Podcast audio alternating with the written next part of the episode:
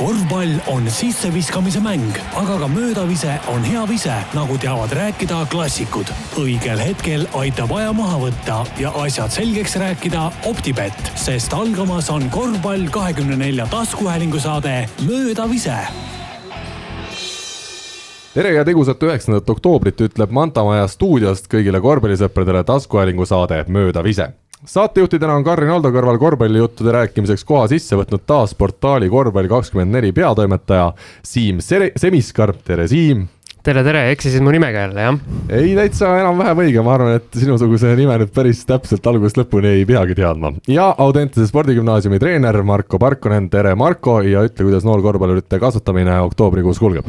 tere, viimaselt väga hea, poliitiliselt korrektne vastus no peame kahetsusega alguseks kohe tõdema, et eelmisel nädalal jäi meie korvpallisaade ära ja kuulajad võivad nüüd küsida, et kuidas siis nii, aga tõele au andes oli asjaosalistel lihtsalt sedavõrd kiire nädal, et aega, mil kas või kaks meist saaksid koos stuudiosse tulla ja ka saatekülalise kampa võtta, lihtsalt ei leidnud. mul oli vaba nädal tagantjärele on kõik vabad meil. kogu tekst, mis ma siin ette olen kirjutanud, see on kohe, jookseb liiva. aga see-eest üritame täna teha oma tööd kaks korda paremini, jäädes siiski ajaliselt ühe tunni piiridesse. ent nüüd on aeg öelda. Carlos Irhate stin exteihi eh, o fruros dich etnikis omadas dis Estonias apoto kohila rait rivolane. tervist mis, mis, mis keeles sa rääkisid? ma olen nõus, et see kreeka keelt ilmselt ei meenutanud, aga lõpp oli aru, arusaadav, et lõpp, et sellest sai isegi mina aru et äh, rahvuskoondise mängija ja Kohila, Kohilast pärit, see lõpu ma sain aru, aga algust ma päris täpselt ei saanud. jaa, ma tõlgin sulle, see on Google Translate on minu hea sõber, kes mind tihti aitab. tere tulemast saatesse, Kohilast pärit Eesti koondise tagamängija Rait Rivalane nojah, siis pool juttu oli arusaadav vähemalt isegi mina sain kreeka keelest aru, see Kohila osa. ma mõtlesin, sa said selle esimese osa just aru. Ütle, Rait, sa oled nüüd äh, aastaid äh, Kreekas mänginud ja tagasi kodumaale naasnud, palju sul kreeka keel külge jäi, palju sa seal õppida jõudsid? no ma saan ikka selles mõttes hakkama jah, äh, oskan rääkida ja aru saan paremini selles mõttes. mingi virtuoos ei ole, aga, aga jah, lihtsamad asjad saab räägitud nii et sa olid täitsa seal mingi õppe võtsid kohe esimesel aastal käsile või? ma teisel aastal õppisin natukene kreeka keelt, aga ütleme nii, et kolmandal aastal oli juba niimoodi, et ega riietusruumis mind enam taga rääkida ei saanud, et ma sain nagu päris kõigest juba aru, mis seal räägiti. küll, aga sina said iseenda keskis seal eesti keeles meid taga rääkida. aga, aga noh, vastu oli ikka raskem rääkida, et keel on tegelikult üpriski keelu, keeruline, et äh, aga kui seda nagu õppida nii-öelda, siis äh, niimoodi, et sa ei pea mingeid dokumente koostama või midagi, et siis ma arvan, et äh, ta ei ole väga keeruline. on seal mingi keel, millele ta sarnaneb ka kõige rohkem või oli täiesti eraldi või mm,? no ma olen kunagi vene keelt õppinud koolis, et seal on samamoodi natuke tähestik on vist sarnane või? no mõned tähed kattuvad, kuigi neil on jah, oma tähestik, aga just see, see sugude teema on seal, et see mees-naise kesksugu näiteks on ja ja, ja mis on nagu teistmoodi, on see, et neil oli hästi palju mingeid erireegleid, et et mingid sõnad ei läinud üldse reeglipäraselt, mis oleks tegelikult pidanud minema, aga just neid oli nagu päris palju, see tegi asja päris keeruliseks. et meil siin kohe niisugune filoloogia podcast äh, on siin käimas, et ma jätkan, et äh, kui palju tingis seda nii-öelda keeleõpingut see, et sa olid, äh, olid ainus välismaalane, eks? et sa nagu pidid seda keelt õppima, et muidu jäid nagu jänni, ongi see riietusruumi jutud ja kõik läksid sinust mööda muidu. jah, selles mõttes ma mäletan hästi, kui kunagi Raplas olin ja, ja meil oli üks serblane, üks horvaat, üks sloveen oli, serblane ja sloveen olid meeskonnas ja nad vahel, rääkisid omavahel seda seal mingi Balkani murrakut ja ja see tundus kõrvale nii ebameeldiv, et seda nagu ei tahtnud kuulata ma mõtlesin, et kui ma Kreekasse lähen, et kuidas see nagu välja peaks nägema, et kui nad seal omavahel räägivad, aga see oli niisugune täitsa nauditav ja ja isegi natuke meeldis, et et ei, ei tekkinud mingit ebamugavust. kas sa ütlesid teistele ka, kui sa juba oskasid kreeka keelt või nagu mängisid tola edasi, et ei, ma, ikkagi... ma ei saa midagi aru, et pange puid juurde? ega ma ikkagi selles mõttes üritasin jah, seda mitte nagu välja näidata, aga jah, vahepeal, vahepeal võtsin sõna sekka, siis vaadati küll imelikult, et oot-oot-oot-oot, et äh, mis, mis nüüd. aga teeme siis siia keeletunni lõpetuseks äh, ühe õpetussõna ka, mis on mingi selline lihtne korvpallitermin, mida Eesti rahvas võiks ka kreeka keeles edaspidi osata? see ser-, serblaste treenerite lemmiksõna, tõlgi see kreeka keelde mis sa silmas pead? ei saa seda öelda otse. no korvpalli, korvpalliterminid olid ikkagi üldjuhul eh, ingliskeelsed, et Aa. seda, seda nagu termineid eraldi no aga mingi muu sõna. kreeka keelde ei aga tõlgi aga kate kattest kreeka Oi, keelde ma just tahtsin öelda, et Marko toob oma, toob oma pick and rolli kohe sisse. ei, see, see oli ka ikkagi meil inglise keeles, pick and roll, pick and pop, aga aga ma tean kindlasti Marko lemmiksõna, mis seal oli nagu argipäevane, oli malaka, et õlu, ei, malakas. see, see oli, et nii, nende öelda siis see vahel võis ka tähendada positiivselt, vahel negatiivselt, et eh, kui otsetõlkes on see siis nagu tropp. aga, aga samas seda, seda saab ka nagu positiivses tähenduses võtta. see on väga positiivne minu arust. mis see positiivne on siis? ma tahaks ka teada. et eh, no vahel ikka öeldad, et eh, Hea noh, tropp et, et pagan, sa oled ikka hea vend küll, eks, et noh, selle kohta läheb samamoodi see sõna käiku, ja malaka, just nii. Marko, jäta meelde. ei pea enam malakat andma. jah, malaka. no eks siis läheb käima see malaka, noh. no kuna me oleme võtnud oma saate esimese osa selliseks teemaks ikkagi Kreeka, kuna sa seal äh, mitu aastat mängisid, siis äh, ole hea, ütle esmalt päris ausalt, mis sind Kreekasse aastate eest viis?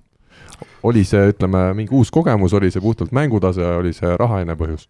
ikkagi tahtsin näha, kuhu ma võimeline jõudma olen, et et Eesti liigas oli juba päris kaua saadud mängitud ka ja ikkagi väiksest peale on ju siht, et eh, välismaale jõuda kuhugi. ja, ja samm-sammult eh, edasi minna. et ma arvan, see oligi üks nagu põhiline põhjus, et et näha tulevikku ja mida sa nägid siis, millised need esimesed päevad, esimesed nädalad, esimesed kuud seal äh, Kreekas olid, kuivõrd palju uut ja huvitavat ja erilist ja võib-olla isegi mitte nii huvitavat ja, ja erilist sind seal ees ootas? No kindlasti algus oli raske selle kuumusega hakkama saada, et seal saalides eh, vahel on konditsioneer, vahel ei ole, oleneb, noh seal ju pärast olümpiamänge enam midagi uut ei ole ehitatud. ja, ja sellega pidi hakkama saama, et päris palju higi sai valatud seal ennem kui keha päriselt ära harjus. mis veel, ütleme, palju see kultuur üleüldiselt sind üllatas?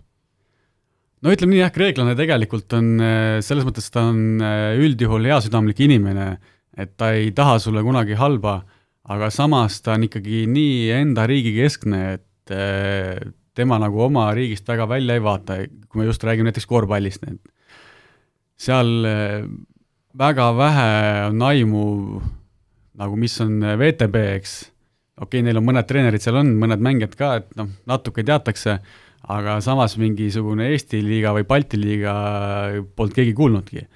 Et mõni, mõni arvas, et kui noh, Balti liigas mängid hästi, siis saad VTB-sse ja kui Eesti liigas mängid hästi, saad Balti liigasse, et noh, niisugune nagu mingi eurosarja süsteem. aga selles mõttes ma ikkagi üritasin neile natuke selgitada, aga ega nad väga seal vastu ei võtnud, et jäi ikkagi nende oma nagu, oma riigi keskne, et kas eluliselt oli samamoodi, et äh, Eesti kohta seal väga palju midagi ei teatud öelda või, või seda ikkagi tunti sellist riiki väikest? Eesti riik andis ju laenu neile või raha andis, no seal teised olid ka kusjuures, et seda sai jah noritud küll, aga me ei küsi tagasi.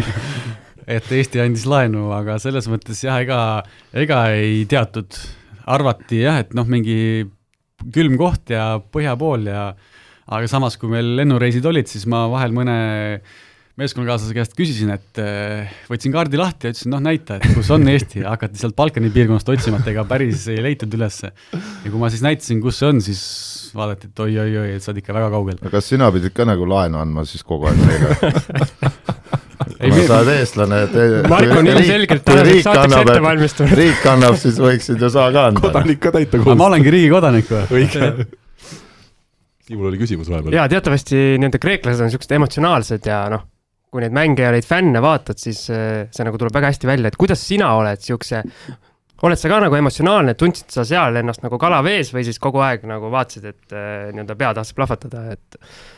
No selles mõttes eh, ma arvan, kui mäletate, siis ma ikkagi olen olnud suhteliselt emotsionaalne mees väljaku peal, aga kui ma sinna Kreekasse läksin, siis ma vaatasin, et ma olen ikka üpris rahulik poiss, et nende kolme aasta jooksul ühtegi tehnilist ma ei saanud, seal on jah, see kultuur nagu teistmoodi, et nad kannatavad rohkem, kui neile midagi öeldakse ja, ja aga jah, selles mõttes eh, kui kreeklane närvi läheb, siis eh, jalgu ei tasu jääda aga mingid vastasfännid või mingeid intsidente mängudel või kuidagi nagu sellist asja? ja just, me mängisimegi, minu kõige esimene mäng oli, ma olin seal nädal aega olnud, mängisime Banioniusega võõrsil siis, et nad olid samal ajal ka liiga favoriit, võitsid ära ka liiga sama aasta ja ja oli üks intsident, kus ma läksin otse out'i välja söötma. kõndisin siis sinna otse out'i joone poole ja, ja korra tõstsin nagu pilgu, vaatasin, mis seal toimub ja ja juba tulid keskmised sõrmed ja kõik, kõik, siis ma mõtlesin, et kas nüüd nii hakkabki olema igal pool, aga noh, päris igal pool ei olnud. ole hea, räägi nendest oludest natukene, milline see korter, milline, kas mingi auto anti sulle klubi poolt, millised olid spordisaalid, milline see elu seal laiemalt oli? noh, saalid äh, nagu ikka, olid suhteliselt äh, väiksed ja vanad, et äh, nagu ma ennem ütlesin, et pärast olümpiamänge on ju saale väga-väga vähe juurde ehitatud, et neil on see majanduslikud probleemid äh,. korterid tegelikult äh, viimane aasta elasin äh, hotellis väga korralikus, et seal oli meil, noh, Kossi saarel olime vist kuus või seitse mängijat oli, kes, kellel oma kodu seal ei olnud nii-öelda, et olime seal hotellides koos ja ja söögid olid sees kõik ja selles mõttes tingimused olid nagu okeid. Et ei saanud nagu kurta küll, et ei olnud kordagi niisugust tunnet, et eh, helistaks koju, et, et tulge mulle järgi, et ma tahan ära tulla siit, et et isegi kui olid mingid raskemad hetked, et noh, üksi oled ikka seal, et ikka on raske, aga siis, siis mõtledki ju ikka noh, vahel tuleb seal jonn peale, aga siis lõpuks mõtled selle peale, et aga miks ma siin olen, et siis nagu läheb kõik üle või miks ma siia tulin, et keegi, keegi ei öelnud, et Marko ei öelnud mulle, et kuule, davai, mine nüüd sinna, et et lõpuks on ju see oma valik ja sul peabki olema siht silmes, et tulebki seda siis nii-öelda süüa seal mingi aja ja küll tulemused tulema hakkavad. ma nende saalide süüa kohta seda küüruse kebaabi no seda sai söödud küll, jah. ma nende saalide kohta, ma mäletan ühte mingit hästi udust videot, mis hakkas internetis ringlema, kus äh, sina panid äh, viimase sekundi kolmese, kui ma ei eksi, ja siis jooksite kogu võistkonnaga otse saalist õue tähistama oli niimoodi, et siuksed saalid, et tehakse uks lahti väike, ja otse, otse see õue. oli nii väike saal, et seal ei jõudnudki saalist tähistada, sa pidigi välja minema, kui tahtsid. seal tegelikult ju suuremalt tähistada põhjus, miks see uks lahti oli see, et saalis oli liiga palav et mingi õhk sealt läbi käiks. et see oli jah, sihuke oktoobri esimene nädalavahetus ja. Eestis on ka tüüpiline, et oktoobris on palav. mingi kakskümmend viis kraadi, ma arvan, oli sooja suht ja. Ja see oli see mäng, kus me Paasöö vastu mängisime, ma arvan, videost on näha hästi, kes seal eh, viskajat kattis ennem. videost ei ole midagi näha, see oli nii udune. Ja, ja tegelikult selle, selle mänguga oli veel see, et eh, et kuna sealt Kossilt see lennuliiklus Ateenasse ei olnud just kõige parem kogu aeg nagu, et noh, neid lende nagu ei olnud nii palju, siis tulime Martini meeskondale vastu ja tõsteti mäng varasemaks, et nad jõuaksid ilusti lennuki peale tagasi sõita, aga me mängisime seal kaks lisaaega ja, ja siis neil läks päris kiireks seal lõpuks vist jõudsid täpselt niimoodi, et öö, otse ei, no. metallikontrollist läbi otse lennukisse. aga miks siis sina jooksid saalist või siis oleks pidanud ju hoopis see kaotaja meeskond otse pärast mängu või lõppu sireeni jooksma välja ju? seda, seda ei oskagi kuidagi põhjendada, et seal tol hetkel mõte väga hästi ei tööta, et kuum ka jah? ainult emotsioonid. no ma olen käinud kohapeal ka vaatamas ühte, ühte mängu, kus peategelane on siin aga ma ütlen, kui ennem oli küsimus, et mis tõmbas Raitu sinna Kreekasse, siis ma olen käinud ühe korra Kreekas, enne mind tõmbas sinna soe ilm veebruaris. et lähed sinna, enne käid lühikeste pükstega ringi, kakskümmend neli kraadi, ma tean, et ennem oli külm olnud, aga kui kuumad eestlased tulid, siis läks kohe soojaks. Noh. aga kas sa pidid korvpalli ka mängima selles kuumuses? ei, ma ei pidanud mängima, ma pidin vaatama ja, ja ma käisin vaatamas, see oligi täpselt niisugune võimla, mis astud uksest sisse, on kohe võimla, siis need olid tribüünid olid niinimetatud ehitatud nagu ühte nurka, et äh, no kuskil nagu kooli aulas, onju, siis istusid seal siis mingid vanad papid äh, seal midagi kogu, kogu aeg kommenteerisid siis olid fännid, kes olid pandud nagu eraldi mingi aia sisse, räuskasid enne, siis kuna ma käisin päev sa käisid loomaaias päev, päev varem käisin Panathinaikos olümpiaakose mängul enne, siis need kohalikud pana, panafännid õpetasid, et kuidas noh, Kreekas ei näidata nagu otseselt äh, keskmist sõrme, vaid neil on mingi oma teema. ja siis, äh, siis õppisin selle ääres, ma vaatasin, kuidas need panid, see kohtunik jooksis mööda kohe meetri kauguselt, sõimati nägu täis, onju pärast vist mäng lõppes sellega, et oli mingi rabelemine ka veel seal kahe võistkonna vahel või fännide ja vastasvõistkonna vahel ja no ikka niisugune väike Kreeka, aga seal kohapeal oli mingi viiskümmend inimest umbes noh. Me ei ole jõudnud veel korvpallist sisust rääkida oma saate esimese veerandtunni jooksul ja veel ei jõua ka, sest mul on äh, just seesama küsimus, mida sa ise rääkisid, et kui sa kaugel-kaugel välismaal oled äh, ja ütleme, sa ei mängi ikkagi päris sellisel Euroopa tipptasemel, kus sul on iga päev, iga mäng, ütleme sellised kümme tuhat pealtvaatajat. ja kui sul tekibki see raske hetk, palju sul neid raskeid hetki esiteks seal Kreekas oli ja kuivõrd äh, raske nendest oli siis ka omakorda üle saada seal üksinda olles? noh, eks ikka neid oli, ma ei oska nüüd öelda nagu, noh, mul muidugi ei olnud kogu aeg seda, aga ikka no mõned paar-kolm korda hooaja sees ikka, kui ei tule hästi välja, siis ju Kreekas on ju põhiasi see, et äh, kas vaadatakse treeneri otsa või vaadatakse välismängija otsa, et äh, kohati seal oli küll tunne, kui seal bossid saali tulid, et vaadati, et, et noh, et võiks nagu juurde panna ja. siis on hea vaadata, kui üks välismängija on ainult jah, ja siis, kui selle Marko jutu peale tagasi tulla, siis see saal tegelikult oli meie jaoks päris suur eelis, kuna seal oli, ma ei tea, mismoodi see ehitati, aga anomaalia oli nii, et see korvpalliplats sees oli siis nagu diagonaalis. et äh, korvid asetasid vastastele suhteliselt ebamugavalt, noh, kui sa seal iga päev trenni teed, siis sa nagu harjud ära sellega aga kui tuleb mõni meeskond võõrsil mängu mängima, et ma arvan, neil oli väga-väga ebamugav seal visata, et eh, ma arvan, tänu sellele eh, me saime päris hea tulemuse ka seal too aeg milline see Kreeka korvpall siis on, eh, noh, sina nägid esiliigat nüüd lähemalt, on see väga teistsugune mäng, mida mängitakse võrreldes Eestiga? no erinevusi on küll, et selles mõttes, kui ma nüüd ütlen nagu ühe kiirelt võtaks kokku see niimoodi, et see Kreekas mängitakse ikkagi suhteliselt palju niisugust kavalda, kavaldamise mängu ja taktikamängu.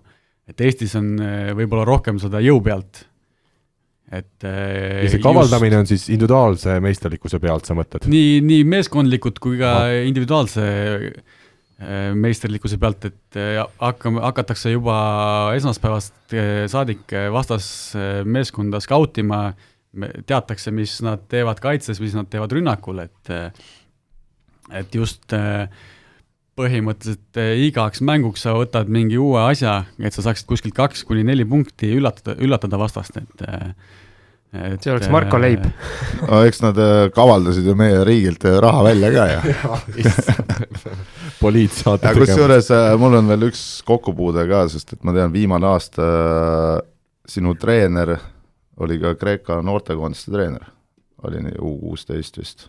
oli jah. ja ta kavaldas mind ka üle EM-i play-off'is, nii et ma olen selle omad vitsad seal juba kätte saanud. et Marko pärast seda turniiri vaatas, rahakott oli tühi? Üks asi, mida Eesti korvpallis ikka räägitakse, ette heidetakse, et meie noored näiteks ei tee nii palju tööd, nagu tehakse välismaal, et jõuda kaugele, et ei tehta nii spetsiifiliselt tööd ja nii edasi ja nii edasi kas nüüd sina ka mingit sellist vahet seal välismaal nägid, et, et ütleme, Eesti põhja pealt tulles sul oli kuidagi alguses keeruline, raske mingis mõttes, ükskõik siis kas füüsilisete elementide osas, või sa sellist vahet ei näinud? ei olnud, mul oli pigem lihtsam, sest äh, seal oli ikkagi kõik need äh, aastad, kui ma olin, siis oli puhas tulemuse peale minek, et äh, neid ei huvitanud, kas sellest kahekümne-aastasest mängijast tuleb midagi hiljem või ei tule, et treeneril on ju, kui ta seal kaks-kolm mängu kaotab, siis ta lüüakse lihtsalt minema, et eks ta seal oma töökohta peab vaatama, hoidma ja, ja et ega seal ei, keegi ei pööranud nagu tähelepanu, et oligi puhtalt, kõik trennid olid mängulised ja kõik treenid lausa mängulised, jah? taktika, no okei okay,, hommikuti oli tõesti, et oli jõutreening, eks, ja siis oli ikka mingi individuaalne värk, aga õhtused trennid olid no puhtalt soojendus ja korvpall ja siis erinevaid asju lihvisime seal mängisite seda kreeklast ka või? Kreek-, kreeklast ei mänginud, ma küsisin, kas te teate sellist mängu, öeldi, et ei tea. aga ju see on, ju see on siis eh, mingi kindla, kitsama ringkonna mäng. Kohtasite seal Kreeka esiliigas mingeid müstilisi talente ka, mingeid eh, selliseid kujusid, kes jäävad elu lõpuni meelde? või kas või treenereid? Eh, no kindlasti seal oli, vahepeal käisid kohtunikud, kes eh, vilistavadki Euroliigat ah,. selge. et näiteks Koru Milas oli seal, kes vilistab Euroliigat suht tihedalt ja nüüd see uus naiskohtunik, see vilistas ka meil seal esiliigat, et ja, ja ka noh, mäng, mängumeestest oli, oli näiteks Alex Aker, kes kunagi vist isegi Barcelonas on mänginud ja ma ei tea, kas ta NBA-s on ka mingid mängud kirja saanud.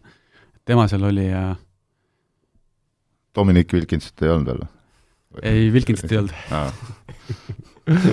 sa alguses ütlesid, et sa tahad äh,, Kreekast tahtsite minna selleks, et näha, kuhu su nii-öelda võimed kannavad, kui sa nüüd kolm aastat hiljem oled tagasi Eestis äh,, kas sa jääd selle perioodiga täielikult rahule, kas sa tunned, et sa seal arenesid edasi, oled sa nagu kokkuvõttes igati rahul selle otsusega? ma olen rahul jah, sest äh, ikkagi näha seda teist kultuuri ja seda teist vaatenurka, kuidas nagu tegelikult korvpallisse suhtutakse üld, üldse muud moodi. ma arvan, et see tuleb äh, kasuks äh, ükskõik kellele, kas sa oled mängija, treener äh,, su visioon laieneb, et äh, ma arvan, et see on, oli kindlasti igati hea otsus kas seal vahepeal nii-öelda kõrgliiga klubid ei tulnud koputama, et kui sa seal kolm aastat Kreekas esiliigas üsnagi edukalt mängisid, et eh, võib-olla mingi võimalus nagu tõusta?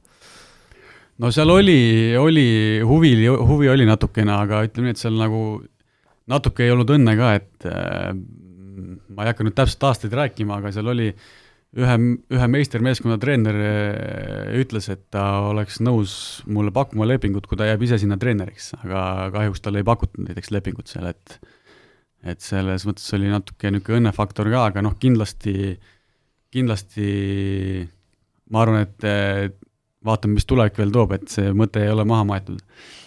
Mina võrkpalliajakirjanikuna näen väga palju seda, kuidas Türgi võrkpalliliigas on selline kohe tendents, et kui sa ei ole päris top kolm klubi, ütleme, siis palkade maksmisega esimesed hooaeg, hooajakuud tuleb kõik välja, aga siis edasi hakkab viibima ja lõpuks need viimased kuud enam ei tulegi seda raha.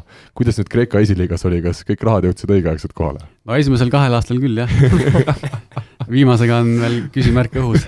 ongi nii, jah? ja on lootust ka või pigem oled selline juba no on, on ikka lootust, et selles mõttes äh, ma arvan, eks see nüüd on agendipoolne töö, et äh, lepingud on ju tegelikult olemas, ainus negatiivne asi on see, et äh, meeskond ei mängi edasi enam. et nii-öelda siis ilmselt Fibast nagu abi ei ole loota mis see põhjus oli, miks sa tagasi Eestisse otsustasid tulla, kas sama äsja puudutatud teema oli üks nendest või sul oli see mõte, et sa tahaks Eestisse tagasi tulla juba varem või? Äh, ma olin jah, kolm aastat olnud seal, et äh, ikkagi minu silmis see liiga nagu läks aastalt-aastalt äh, nõrgemaks, et ja, ja ma arvan, et kolm aastat oli seal piisavalt pikk aeg, et teha mingi muu samm. kas siis minna kuhugi mujale või tulla Eestisse, et praegu, praegu olen siin. ja, ja selles mõttes, eks selle Kreekaga oli see aasta, see niisugune keeruline seis ka, et võim vahetus seal just nagu näiteks noh, peaminister, eks, ja, ja päris paljud korvpalliklubid ka ei teadnud, kas nad jätkavad, kes kus jätkab, siis oli, pluss oli see veel olümpiaakose teema, et mängivadki nüüd esiliigat, et keegi ei uskunud, et nad sinna lähevad, et siis ei saanud mingid meeskonnad esiliigas siis nii-öelda oma meeskondi komplekteerida, kuna nad ei teadnud, kas nad peavad äkki meistriliigat mängima ja ja niisugune suur-suur segadus, segadus, et eh, kuskil septembri keskel, lõpus alles hakkasid asjad nagu loksuma siis oli niisugune nagu ebastabiilne seis ja polnud nagu mõtet eh, ehku peale ka minna. ma siin ikka tahan korra selle rahaasjade juurde tagasi tulla, et eh, kas Kreekas siis või seal esiliigas, et kas seal on natuke nii-öelda palganumbri sisse kirjutatud see, et eh, ma ei pruugi neid, ma ei tea, viimase kuu palkasid üldse kätte saada, et selle võrra on palganumber suurem või kuidas see on, et kuidas need, need klubi juhid suudavad nendele mängijatele selgeks teha, et noh, et. et jah, et me ei ole nagu eelmised aastad eh, kordagi korralikult maksnud, aga me nüüd järgmine hooaeg kindlasti maksame korralikult. seal on jah see, et eh, agendid tegelikult suhteliselt hästi teavad, kes ja kus nagu maksavad neid palkasid, et just see, see Kossi meeskond oli ka tegelikult esimest aastat sellel tasemel. ja varasemalt neil ei olnud probleeme, et nad olid kõik äh, tasud ära maksnud. aga ilmselt siis see amps nagu sealt liigade vahelt oli liiga suur, mis käärid tekkisid ja, ja noh, Etnikoses näiteks ei olnud kordagi probleemi, et seal oli maksimaalne vist, vist hilinemine oli ka viis päeva, et see Kreeka kohta on nagu ülimalt positiivne ja, jah, eks seal on jah, iga, igal juhul mingisugused maine on nagu küljes siis mm -hmm. presidentidel, et kes kuidas maksab. kas äh, sa mainisid selle olümpiaakose esiliiga tralli ka ära, kuidas need kreeklased selle koha peal siis ütleme, eelmise aasta kevadel hakkas see pull peale seal, et äh, küll pandi stringe toolide peale ja küll jalutati minema ja kogu aeg mingi sõda käis Panathinaikos, olümpiaakos bosside vahel, et kuidas nagu üldine rahvas seda siis jälgis või nad võtsid huumoriga või olidki niimoodi, et noh, õige töö käib sinna? no ma arvan, et nende puhul on see suhteliselt tavaline, et seal mingi sõda käib, et et ei, ma arvan, et seda ei vaadatud nagu eh, mingi üllatusefektina, et nende jaoks oli see normaalne. aga noh, selge oli see, et keegi nagu ei uskunud viimase hetkeni, et olümpiaakos hakkab mängima esiliigat. aga ma arvan, et eh, kindlasti noh, see on puhtalt minu arvamus, ma arvan, et see on nagu olümpiaakuse endapoolne jonn ka natuke, et nad seda esiliigat mängivad, et kindlasti kui nad oleks tahtnud, siis nad oleks saanud meistriliigas olla ja, ja ja siis mängida, et kas seal ei olnud mingi selline olukord ka, et kas Panathinaikos oli see, kes ütles, et ta läheb Euroliigast ära, hakkab mängima Champions League'i või? olümpiaakas ajas oli küll jah, seal Panathinaikos oli ju mõlemad ajasid mingisugust kuradi jura kogu aeg, terve mingi pool hooaega, noh. omanik oli seal tülis küll eh, Euroliiga juhtidega ju, ta sai seal mingeid karistusi sai ka, ma ei, no, kas rahalisi või mängulisi, ma päris täpselt ei teagi, jah. seda, ma nägin jah, neid omanikke seal mängus, et see on päris hea vaade seal, mis seal platsi ääres toimub noh, teine ju, teine teema on ju see, kus see Pauki jalgpallimeeskonna president relvaga väljakule läks. jaa, seal miks mitte? seal, niisugust asja tuleb ka ette, noh. aga igal juhul mina näiteks soovitan Kreekas vaadata mingit spordiüritust, see on ikkagi elamus omaette, noh. kas või tegelikult me käisime, kui me Kossil olime, seal oli jalgpallimeeskondi ka ja käisime nende mänge ka vaatamas ja ma arvan, see oli kuskil tasemelt, ma arvan, mingi seitsmes-kaheksas, mingi niisugune liiga ja ja ikka tõrvikud möllasid ja loobiti mingeid asju väljakule, kui kuule see..., EKRE saaks sinna minna tegema suvepäevi ju, tõrvikut. joonekohtunik seal sai pihta mingite asjadega ja ikka niisugune aga tuleme nüüd korvpalli taseme kohta veel äh, korraks ühe küsimusega, kui seda esiliigat võrdled meie Eesti-Läti liigaga tänasel päeval, on see tasemevahe olemas ja, ja kummale poole ta kaldu on? ma ei oskagi öelda, et äh, nagu ma tegelikult ennem sulle ütlesin ka, et eh, kui me vaatame näiteks neid taktikalisi värke, siis tegelikult eh, noh, Kreekas on eh, kindlasti rõhku seal hästi palju rohkem ja just sellel nagu mängulisel osal ka. et aga kindlasti on, ma arvan, Eestis on siis need lahendused või olukordade lahendamine on palju sirgjoonelisem või siis kiirem, noh et mhm. lihtsam, et ei otsita seda olukorda nii kaua ja, ja visatakse ka rohkem peale, ma arvan. No nüüd sa oled tagasi Eestisse, hea on küsida täna, mil uus hooaeg on juba alanud, kes sul siis suvel veel, ütleme, kosilased olid, kust mailt sul huvi tunti ja kas Eestis oli ka peale Rapla palju huvilisi? Eestis oli huvi tunti küll, aga mingit konkreetset juttu nagu rohkem ei olnud, et ma korra segan siia vahele, nii palju, kui ma alati mängijatega intervjuusid teen ja küsin nende käest ja siis alati käib see läbi, et et huvi tunti, aga konkreetseks jutt ei läinud. mind huvitab, milline see on see huvi tundmine, et kuidas tuntakse huvi ja millal on see nagu läheb konkreetseks. mis teed, nagu mis teed järgmine aasta? just huvi tundmine ongi see, et eh, mis su plaanid järgmine aasta ole, on ja kas sa oleksid huvitatud meie meeskonnaga liituma? nii, ja millal see jutt konkreetseks läheb, siis kui paber laual on? konkreetseks läheb siis, kui öeldakse, et näe pangaarvel tuleb sul nii palju okay., kas oled nõus tulema okay.? aga kas see pangaarve, see on ainuke asi, millest räägitakse Eestis või on ikkagi muud tingimused ka seal? no ikka on muud, muud asjad on ka, et selles mõttes. aga kes need Eesti klubid olid, seda sa tahad täna öelda või ei? no ma arvan, ma ei, ei hakka seda rääkima. Eestis ei ole õnneks väga palju klubisid, igaüks saab ise mõelda, kes see kui sul on Raplas leping, kas on mingi variant, et äh, sa võid ka hooaja sees ära minna või kas sul endal on plaan minna? Või sa tahad olla niimoodi, et sa paned selle hooaja Eestis ära ja siis vaatad edasi? no lepingu järgselt äh, on võimalus äh, klubi vahetada välismaale, minna siis kuni detsembri lõpuni. aga ma olen äh, alati olnud ka seda meelt, et äh, kui sa kuskil oled, siis tuleb tööd teha nagu korralikult, et kui, kui sa need..., kui sa hakkad mõtlema, et nüüd ma nüüd siin tulen Raplasse ja teen kolm või teen neli mängu, et äkki saab kuhugi minema, et siis ei tule niisugust asjast, ei tule kunagi midagi head nahka. kreeklased helistavad. olümpiaakos ütleb, et kuule, et sul on esiliiga kogemus. ei, see, et need, need, mis saarel sa olid seal Korsu, Korsi või las see jääda. las see saar olla, et noh, seal on seitsmes liiga vutis ka, nii et helistad, ütled, tule palgale järgi ja mängi hooaeg lõpuni, mis teed siis?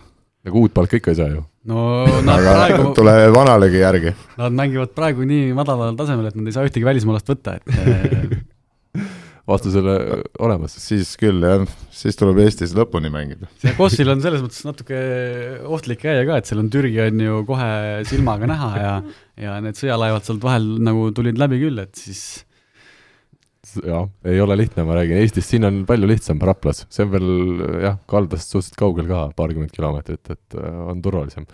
nüüd ma küsin sellise filosoofi küsimuse, et äh, millises, millises karjäärihetkes tänasel päeval Rait Rivolane on, kuidas sa iseennast näed korvpallurina, kas sa oled alles selline arenev mängija, kes tahab veel jõuda kaugele või sa oled saavutanud mingi kindla taseme, kus sa nüüd tahaksid siis olla pikalt edasi, kuidas sa nagu iseennast tänasel päeval näeksid ja iseloomustaksid?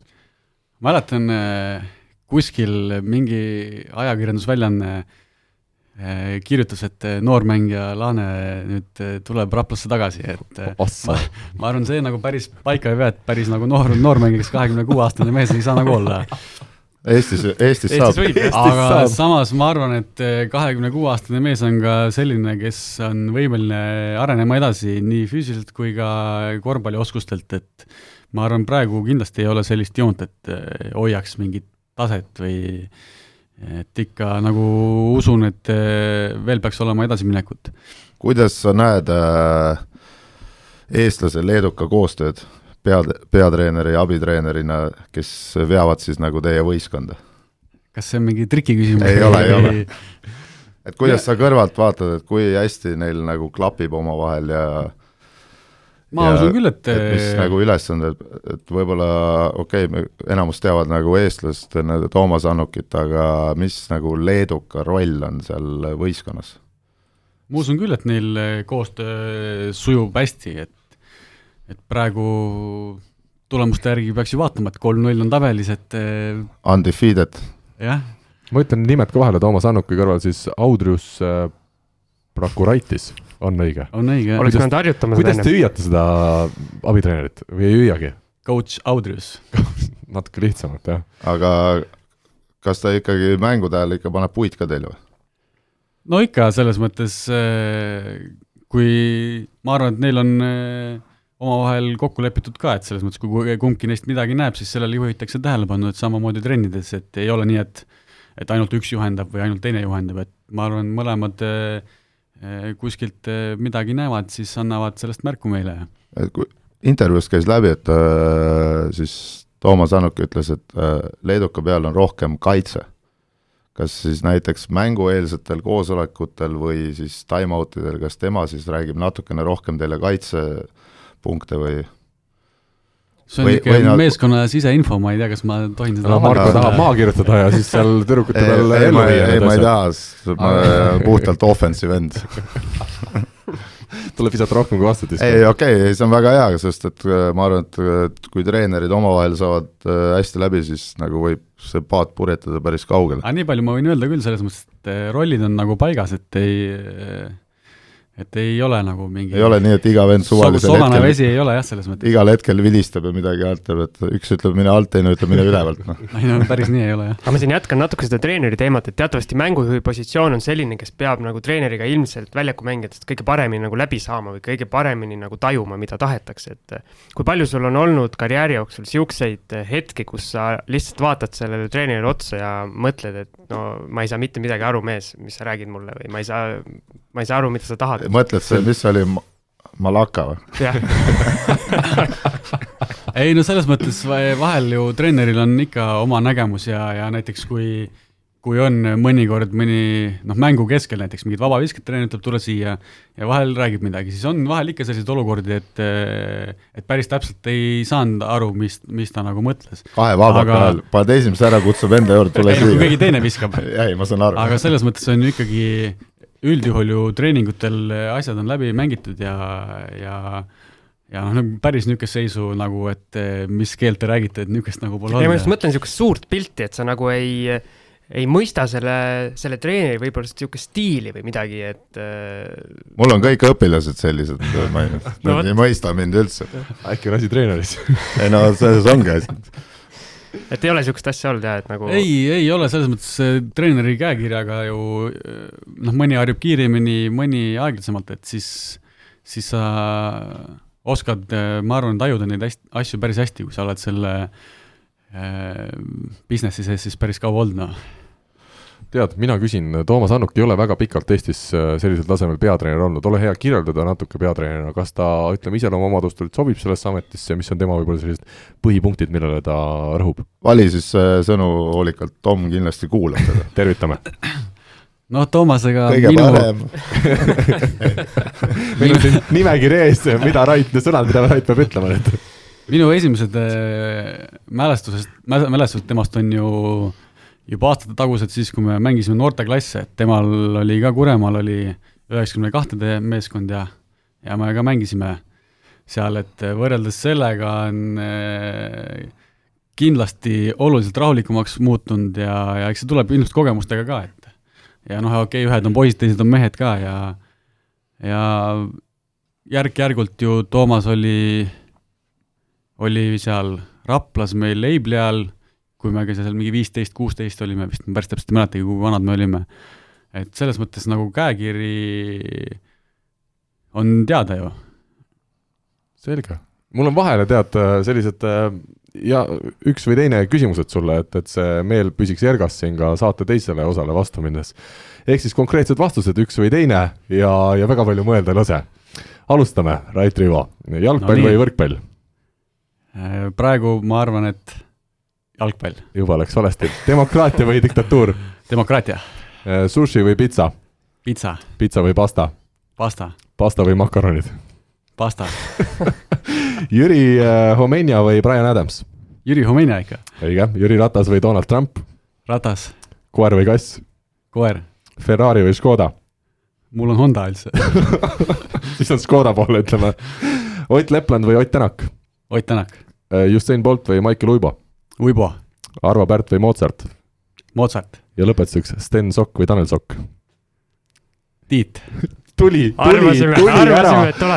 me mõtlesime Siimuga enne saate algust, et kui sa vastad sellele viimasele küsimusele Tiit, siis järelikult on tegu kavala korvpalluriga. siis on saade korda läinud, jah. Jaan, nüüd võiks põhimõtteliselt äh, panna mul on, mul on ka siis küsimus äh, et äh, see pole kooskõlastatud. see pole kooskõlastatud, üks või teine on, et kas, kas sulle meeldib rohkem anda nüüd söötu või visata punne?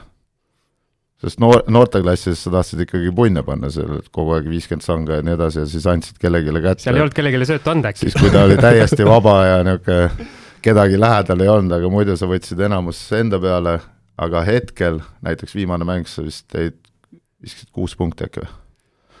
Ja oli vist seitse söötu. seitse oli punne ja seitse söötu vist, ma arvan. aga, aga kumba küsi- sa nagu rohkem nagu naudid, kas ise panna punne või siis anda kellelegi kätte, kes ära paneb, noh kui paneb? oleneb no olukorrast mul teile. pole jah, selles mõttes väga vahet, peaasi, et meeskond võidab, et seal on ju kindlasti olemas selles, kus kaitse mängib, eks, et eh, vahel on see, et eh, üritatakse niimoodi mängida, et okei okay,, et viska palju sa tahad, aga et peaasi, et sa kellelegi söötu ei anna ära. ja vahel on teistpidi, et peaasi, et sinu käes palli ei ole, et sööda see pall ära et see on just, ma arvan, oleneb ka, kuidas vastane mängib ja, aga kui noh, ma ei oska küll niimoodi, et ei ole nagu kin-, kindlat lemmikut, et okei okay,, siis noh, ma ei tea, minu meelest söötu anda palju ägedam kui ise punne ahah, panna. see oli selline küsimus, kus oli olemas õige vastus ja vale vastus. et oli, oli olemas ma tean, et üks habemik, õige üks vastus ja oli habemik. Houstonist mõtleb nagu teistmoodi, aga tegelikult ma mõtlesin, et sa küsid, et eh, kumb on eh, selle noh, A või B vastus, et eh, kaheksateist koondises, kumb oli parem abitreener, kas Toomas Annuk või Marko Parkonen, ma arvasin, küsid seda. aga mul on see võimalus ära küsida. ei, see, see, see oli viik nagu. Kasparovi ja Karpovi vahel, see oli, viik. Marko pakkus vastasele nii viiki, et vastane ei olnud nõus praegu, aga me, me lähme tegime oma edasi töö ära, las see olla. ja me lähme järgmise teema juurde. küsimusmängu toetaja on teamshield.com oma disainiga spordi ja vaba aja riided Team Shieldi küsimusmäng, Siim, ma vaatan nüüd sulle otsa, ma tean, et me eelmisel nädalal, mitte eelmisel, vaid siis üle-eelmisel nädalal küsisime kuulajate käest, millise Eesti teatri meeskonnale tõi Henri Ausmaa oma viimase sekundi viskega aastate eest Eesti teatrite meistritiitli. õige vastus oli, Rait Rõva kindlasti teab seda, mis vastus on? mul ei ole. milliseid Eesti teatreid sa tead, et me alustame sealt ja ma arvan, et sealt õige vastus tuleb ka kohe. Draamateater. draamateater oli seal vastane vist poolfinaalis, aga Estonia teater oli. Ei ole hullu, see on ausalt, Rait, see on niisugune vastus, mida ei peagi teadma, võib-olla parem ongi, et seda ei tea. põhimõtteliselt ma ma ütlen nagu saladuskatte all, et me 500. sellepärast jätsimegi podcast'i ära, et rahvas saaks ühe nädala veel vastamiseks, see oli nagu ja. nii raske, nii raske küsimus seal. polnud infot ka kuskil. jaa, pidi. Rahvusarhiivis käima otsimas seda minu teada, jah. nii, aga õigeid vastuseid tuli, mitu tükki. tuli lausa kolm ja neist kaks äh, olid inimesed, kellel Marko ja ilmselgelt oli mingi siseinfo kuskilt, kuna mitte ei vastatud ainult õigesti, äh, vaid lisati ka omapoolne Henri kommentaar. vend Harri ja ei, töökaaslane Martin Rebanen, ei olnud kumbki. oota, mis kommentaarid lisati? lihtsalt vale Äh, nimel. üks kommentaar oli see, et väidetavalt see lähisugulane, kellest juttu oli, oli olnud Henri muusikust isa. ma ei tea, me ei saa nüüd äh, nagu küsida, kas see ka vastab tõele. ühesõnaga, kes ta siis kutsus sinna võistkonda oh, ja seda teist kommentaari ma enam ei mäleta. aga selge, mis olekus sa neid, neid vastuseid loed? aga ma veel ütlen, mis ma välja kirjutasin, oli see, et pakuti lisaks õigele vastusele, pakuti ka valesid vastuseid ja pakuti Rakvere teatrit, Paide teatrit ja Nuku teatrit ja väidetavalt Nuku teatri koosseisus on kunagi mänginud Rauno Pehka. ehk siis äh, ma arvan, see aina paremaks läheb, noh. peab selle turniiri need äh, mängud üles otsima. just täpselt see teatrite Spartakiaad, ma arvan, see on järgmine tele, nii-öelda telemeestele mõtlemiseks, et tuleb ülekandeid hakata tegema sealt. nii, aga ühest kolmeni, Rait, üks number. kaks. number kaks õigesti vastaja on Uku Pärn ja Uku saab siis korvpalli kahekümne nelja erilahendusega mängusärgi, mis meil sellest sügisest siis kõigile podcast'i küsimusmängu vastajatele väljaloosimiseks on pandud. ja, ma ütlen vahele, et kes veel ei ole näinud, siis korvpalli kakskümmend neli portaalis on üks meie podcast'i särgi võitja juba postitas ka video, kus äh, mees äh, enne särgi selga panemist ei saanud isegi instrumendile pihta visates, siis äh, pani särgi selga ja siis puhas sops. see võib olla Eesti korvpalli tuleviku päästja, mulle Just. tundub see särk. Aga uue nädala küsimus puudutab loomulikult meie tänast saatekülalist. Rait Rivolane tegi Eesti meistrivõistlustel debüüdi mängus Pärnu vastu ja te kaotasite selle mängu ühe punktiga kaheksakümmend kaks, kaheksakümmend kolm, ega seal vist pikemalt peatuda ei taha tegelikult sellel mängul?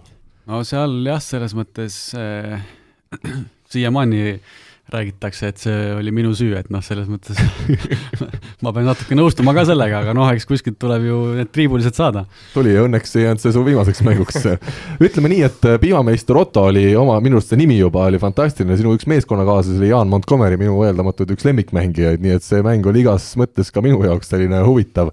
kolm meest tegid kaksikduubli veel siin äh, Rapla poolel, olgugi et te kaotasite Heigo Erm, Raido Ringmets ja kolmas mees oli veel Indrek Kajupank, no selliseid mänge Eesti meistriliigast ei leia palju, aga meie küsime, mitu punkti viskas Rait Li- Rivalane oma elu esimeses meistriliiga mängus ja kui vana ta sel hetkel oli? aga ma saan aru, et seal mängu lõpus veel nii-öelda juhtus ka midagi, et mis seal see juhtus? tegelikult jah, kui nüüd maakeeli öelda, siis, siis tehti sohkina, et oh, ise tegid? et vastased eh, tegelikult eh, kuidagi pealeviske käigus pall käis eh, alt vastu korvikonstruktsiooni, mis tähendab tegelikult, et pall oleks pidanud olema out ja meie pall. Aga kohtnikul jäi see kuidagi märkamata ja selles konstruktsioonis see pall põrkas otse korvi alla ja sealt tõsteti see kaks punkti sisse. kes need kohtunikud olid, maini nimed? ma ei teagi päris täpselt nimesi ei mäleta enam, eks seal on kirjas ju, peab vaatama. jah aga kui raske see äh, nii-öelda noorele, noorele mehele vaimselt taluda oli, et äh, esimene meistriliiga mäng ja siis oled oota, süüdi ja siis tehakse veel sohki ja, ja kas sa mõtlesid, et, ei, et ma see ütlen meistriliiga korvpall ongi selline see ei ole veel kõik okay.. ma järgmise mängu keerasin ka tuksi veel. seal ma panin ühe ristisöödu üle väljaku ja, ja Kiu Rakenberg seal tõi kaks punkti ja saime jälle ühega pähe. kuidas see karjäär sul üldse jätkus pärast neid? ma ei tea, sellepärast ta Kreeka läkski lõpuks pagendusse. treeneri usaldus jätkus. aga Eestis kindlasti on niimoodi, et näed, sina oled süüdi ja kõik, vaata et keegi kuskil Delfis või kuskil kommenteerib, on ju, siis Kreekas oleks olnud juba ter-, maja ümber või korteri ümber oleks olnud seal mingi kakssada, kolmsada inimest rakettidega seal möllanud kolm päeva seal.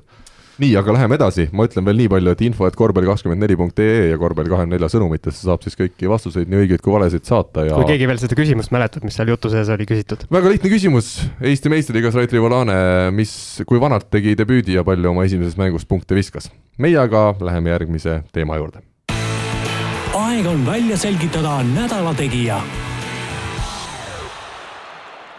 Siim, ma tean, sa oled äh, korvpalligrupis jälle korraldanud mingisuguse küsitluse ja oled saanud seal jama korraldas. mingisugused vastused, ole hea, räägi nädala tegijatest meile, kes sinna top kolme pääses. no loomulikult äh, sai siis esmaspäeval äh, pandud üles küsitlus Nädala tegija ja Nädala tegijaks on muidugi Siim.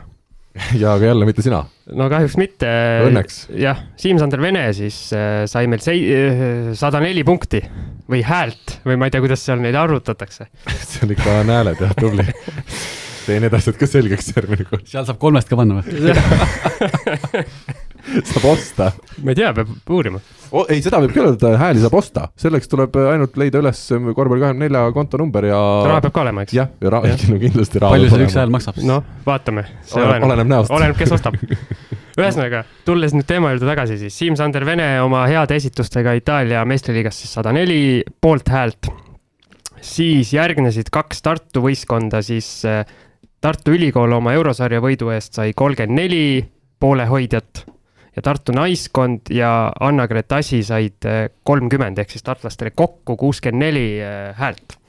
ja veel oli, veel oli valikus Gerg Riisa Leedu esiliiga mängude, mängude eest ja siis postitati lisaks veel vanameister Erik Lutsu üks pealtpanek, mis ma küll vaatasin videost, oli tehtud peale kohtuniku vilet, ehk siis see ei oleks tohtinud lugeda ja need hääled me diskvalifitseerime seetõttu ja need ei loe. aga miks ei olnud äh, Avis Utilitas Rapla imelist kolmemängulist võiduseeriat? kusjuures see oli, minu poolt oli pandud see ühe valikuna ülesse, aga ma ei hääli, tea. hääli ei tulnud jah? jaa, teil on ilmselt fännid on nagu veel jah. veel Oh, võidujoovastuses. võidujoovastus. Pole grupis või? ei tea. vot see on üleskutse kahtlemata, et äh, kui on oma ikka kõva fänniklubi, siis võid isegi pärast näiteks kolme järjestikust kaotust võid Jah. saada nädala parima tegija. seal ei ole küsimust, seal on lihtsalt vaja omada rahakotti ja nii, kuule, aga Siim, meil läheb saade juba, noh, eks ta ongi selline veel mõeldud muidugi, nagu ta on, aga aga räägime asjast ka natukene, võib-olla kõigepealt siis Siim-Sander Venest mõni sõna, me oleme temast siin saates juba rääkinud, aga igal juhul paistab tänase päevani, et Siim on äh, Varese selle hooaja meeskonnas oma koha leidnud ja paistab, et see meeskond, kus ta ka mängib, vähemalt esimeste mängude põhjal, on igati korralikult komplekteeritud. korvpallispetsialist Marko Parkonen, sõna sulle. teeme ühe asja selgeks, et neid spetsialiste on Eestis nii palju, et ma ei ole spetsialist, et las need Ohoh. teised olla. ekspert. ei ole ka ekspert, ma, ma lihtsalt olen, lihtsalt oled, väga hea. aga ma ei saa midagi öelda Siim-Sander Vene mängude kohta, sest ma pole mitte ühtegi näinud kuna mul on arvuti on selline, et nii kui ma lähen, panen selle kuskil mingi lingi sisse, selle läheb punaseks, onju, siis hakkab igast mingeid reklaame, asju tulema, ma ei jõua neid kogu aeg kinni panna, et need striimid ja asjad, et ma pigem ei, pigem ei vaata seda, sest pärast on nii, et mul isegi arvuti on nii, et ma pean juhtme seina panema, et ma saaks üldse midagi vaadata ja siis ta ei anna märku ka, kui ma olen ära unustanud, pane juhe seina. mis aastast sul see arvuti on siis? mis aastast no oota, oota, ma kohe ütlen, mis aastast see arvuti on, see, see on sul on Windows üheksakümmend kaheksa või? see on enne, kui ei, Marko see on sündis. äh, vist samal ajal, kui käisime EM-il. siis osteti. millal te Emil käisite, kui tavakuulaja nüüd nii ei tea no aastaid? aga kaks tuhat kaheksateist. üksteist. kuule, aga ma võtakski, ma arvan, selle jutu saab hästi nüüd kokku võtta, et kui eelmine aasta mängis äh, niisugune minu vastus on see, et äh, ma ei saa siin midagi kommenteerida, ma ainult loen neid äh, artikleid ja ongi aitäh. ma kõik. võtan su vastuse nagu inimkeeli veel kokku, et kui eelmine aasta mängis Vene siis Euroliigas ja sai isegi Marko-sugune vajutas telekapulti ja ta nägi neid mänge, siis nüüd on äh, ilmselt üsna keeruline, ongi nagu jälgida neid mänge, et meil jääb, jääb meie osaks ainult lugeda seda statistikat ja vaadata, et jah, et pani viisteist punkti, kuusteist punkti ja siis aimata, et mis seal toimub. korvpalli kakskümmend neli on ju korvpalliportaal, võiks ju need ülekanded siis ikkagi ja kuna seal on ju tegelikult on ju, mängib ju Serie A-s veel äh, Henri Trell ka, nimekirjas on seal veel paar eestlast. aga nemad on kaks, kes saavad ka mänguaega, nii et nagu selles mõttes võiks vahepeal, et vaatame Siimule otsa kolmekesi ja keegi võiks hakata nagu, et võiks Ei vahe, vahepeal võiks vahepeal nagu näidata eestlaste mänge. nii vähe, kui meil neid üldse seal välismaal on, nii et ühesõnaga me oleme kõik nõus, et Siim-Sander Vene on alustanud hooaega hästi, seda me oleme statistikast aru saanud, kaks võitu, üks kaotus kusjuures praegu. ma vaatasin ka viimane mäng, suure tõenäosusega mängitakse päris palju tema peale ka, et visete arv on ka suht okei okay,, et et äh, siis ta punnid, nii nagu ma ütlesin kunagi ka, et suure tõenäosusega ta, kui ta saab, tema peale mängitakse, siis ta hakkab keskmiselt enam-vähem viisteist kuni kakskümmend sange panema. ja et Ja- ütleme, eelmise hooaja sellest joonejooksust on siis ikkagi kasu olnud, kuidas ta ühest Ja vastupidavus on hea. jah, et töötab. peaks jõudma visata küll, et võhma on. aga teise koha omanik oli meil nädala tegija rubriigis siis äh, Tartu korvpallimees, kuidas see õige nimetused on, parandage, ma tahaks Tartu Rock öelda, aga ma tean, et see juba aastaid ei ole. Rock vist ei ole enam jah. kuidas, oota, kuidas korvpallurite seas Rait Rivo öeldakse, ikka Rock, ei, Tartu Tartu, lihtsalt Tartu, jah. mm. -hmm. Aga ma siis ka päris täpselt ei tea, ma nii, pole tükk- ka tükk aega olnud. Kreekast ei rääkinud meeskonnakaaslastega no? Tart-, Tartust ikka, ikka Tartust põhiliselt, selge. ühesõnaga, eurosarja esimene mäng on peetud täna õhtul, kolmapäeval, kui me seda, seda ma nägin, seda sa nägid? no nii seda, ma nägin. nüüd siis ütleme samamoodi, korvpalliekspert äh, Marko Marko ei ole kindlasti ekspert. ole, aga mis, mis mulje sulle, ütleme esiteks see Tartu meeskond ise nüüd selle eurosarja mängu põhjal jättis? On seal midagi ilusat see aasta tulemas? täna näitab, et no, tegelikult oli päris suur pahandus, no nad võitsid mängu ära küll, aga viskasid äh, viimase nelja minutiga võis olla kas viis vabavisat mööda või. ehk reaalselt neil oli kogu aeg võimalus pääseda seal kümne peale, kuna vastas kukkusid vigadega, olid hädas välja ja nad ei suutnud ja siis vastane seal midagi, no ühesõnaga see viimased kolm minti oli korralik käkerdis seal edasi-tagasi, et nad vist lõpuks saidki kaheksa peale või kuue peale. aga võimalusi oli neil palju, noh, et äh, neil kindlasti läheb raskeks Soomes, noh, ja ma, ütleme siis vastase ka Joensuu Kada ju. jah, et äh, kui seal Soome saalis nüüd lõpuks need tuhat, kaks tuhat soomlast sinna plaksutama tulevad enne ja nii edasi, et äh, noh, Hermet, Hermet pani seal päris hästi, need lõpus pani neid kolmesid, siis ta sai veits jalale viga, aga no ma ei tea, mul seal need leedukad natukene pigem jooksid lati alt läbi, noh.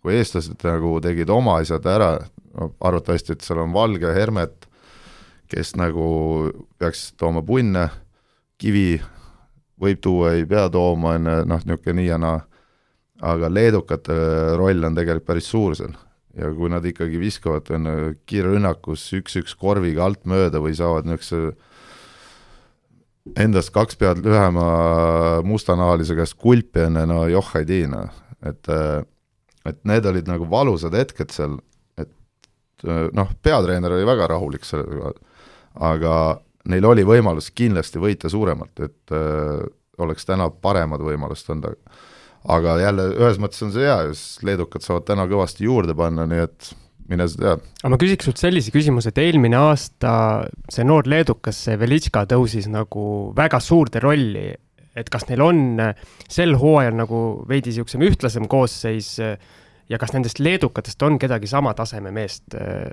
olemas seal no ei ole, Velitška mängis ju mängujuhti mm, -hmm. et see, see neil pigem, pigem nad loodavad leedukatega need korvialuste vendade pealt, et äh, no mulle isiklikult Velitška on nagu kogu aeg meeldinud, kuna ma olen suut-, saanud teda jälgida nagu noortest peale, et kõik EM-id ja MM-id ja et see, et ta siin lõpus enne pani siin, viskas kõik visked ise ja nii edasi, et ma ei tea, mis seal nagu toimus enne, sest tambiti teda nii maatasa enne, ja siis oli nüüd, mängis siin äh, Eesti satsi vastu, siis pani ta kohe neile mingi kolmkümmend sanga siin, mingi sõprusmäng. ja nii palju, kui ma jälginud olen, siis ta seal Brenai eest nüüd äh, põhimõtteliselt jätkab sealtsamast, kus ta Tartus pooleli jäi. et, et no seal on pigem on jah, leedukad võetud nagu rohkem ääre- ja edurivi jaoks, noh. et no seal taga siis toimetavad nagu Eesti, okei okay,, see Maseika on seal, et ta proovib, aga no ma ei tea, ta minu meelest ei ole päris number üks, noh. aga noh, selles mõttes see tegelikult äh, mõnes mõttes vahel on ka nii, et kui sul see on, edu on kuus punkti, eks, sa lähed võõrsile mängima, on vahel isegi kasulikum, kui su edu on sul kuskil kolmteist punkti, et just see vaimne pool, et kui see kuus punkti, sa tead, et sa pead mängima oma mängu, et sul ei ole kuskilt midagi hoida, no see on kahe rünnaku küsimus, see kuus punkti. aga kui sul on see kolmteist punkti edu ja sa lähed, siis sa tead, et sul nagu noh, natukene võib-olla keegi kuskilt võib jala lõdvemaks lasta, et sa tead, et sul on mingi väike edu sees, aga kui seal korra see rong nagu ära läheb, siis see vahe läheb nagu kiirelt viieteist punni peale. aga samas, kui sul see kuus on, eks siis, siis mõni, mõnikord on isegi kasulikum, et sa tead, et sa pead ikkagi nagu nelikümmend minti nüüd nagu täiega panema. et ma ei teagi, äkki siis seekord äh, niipidi.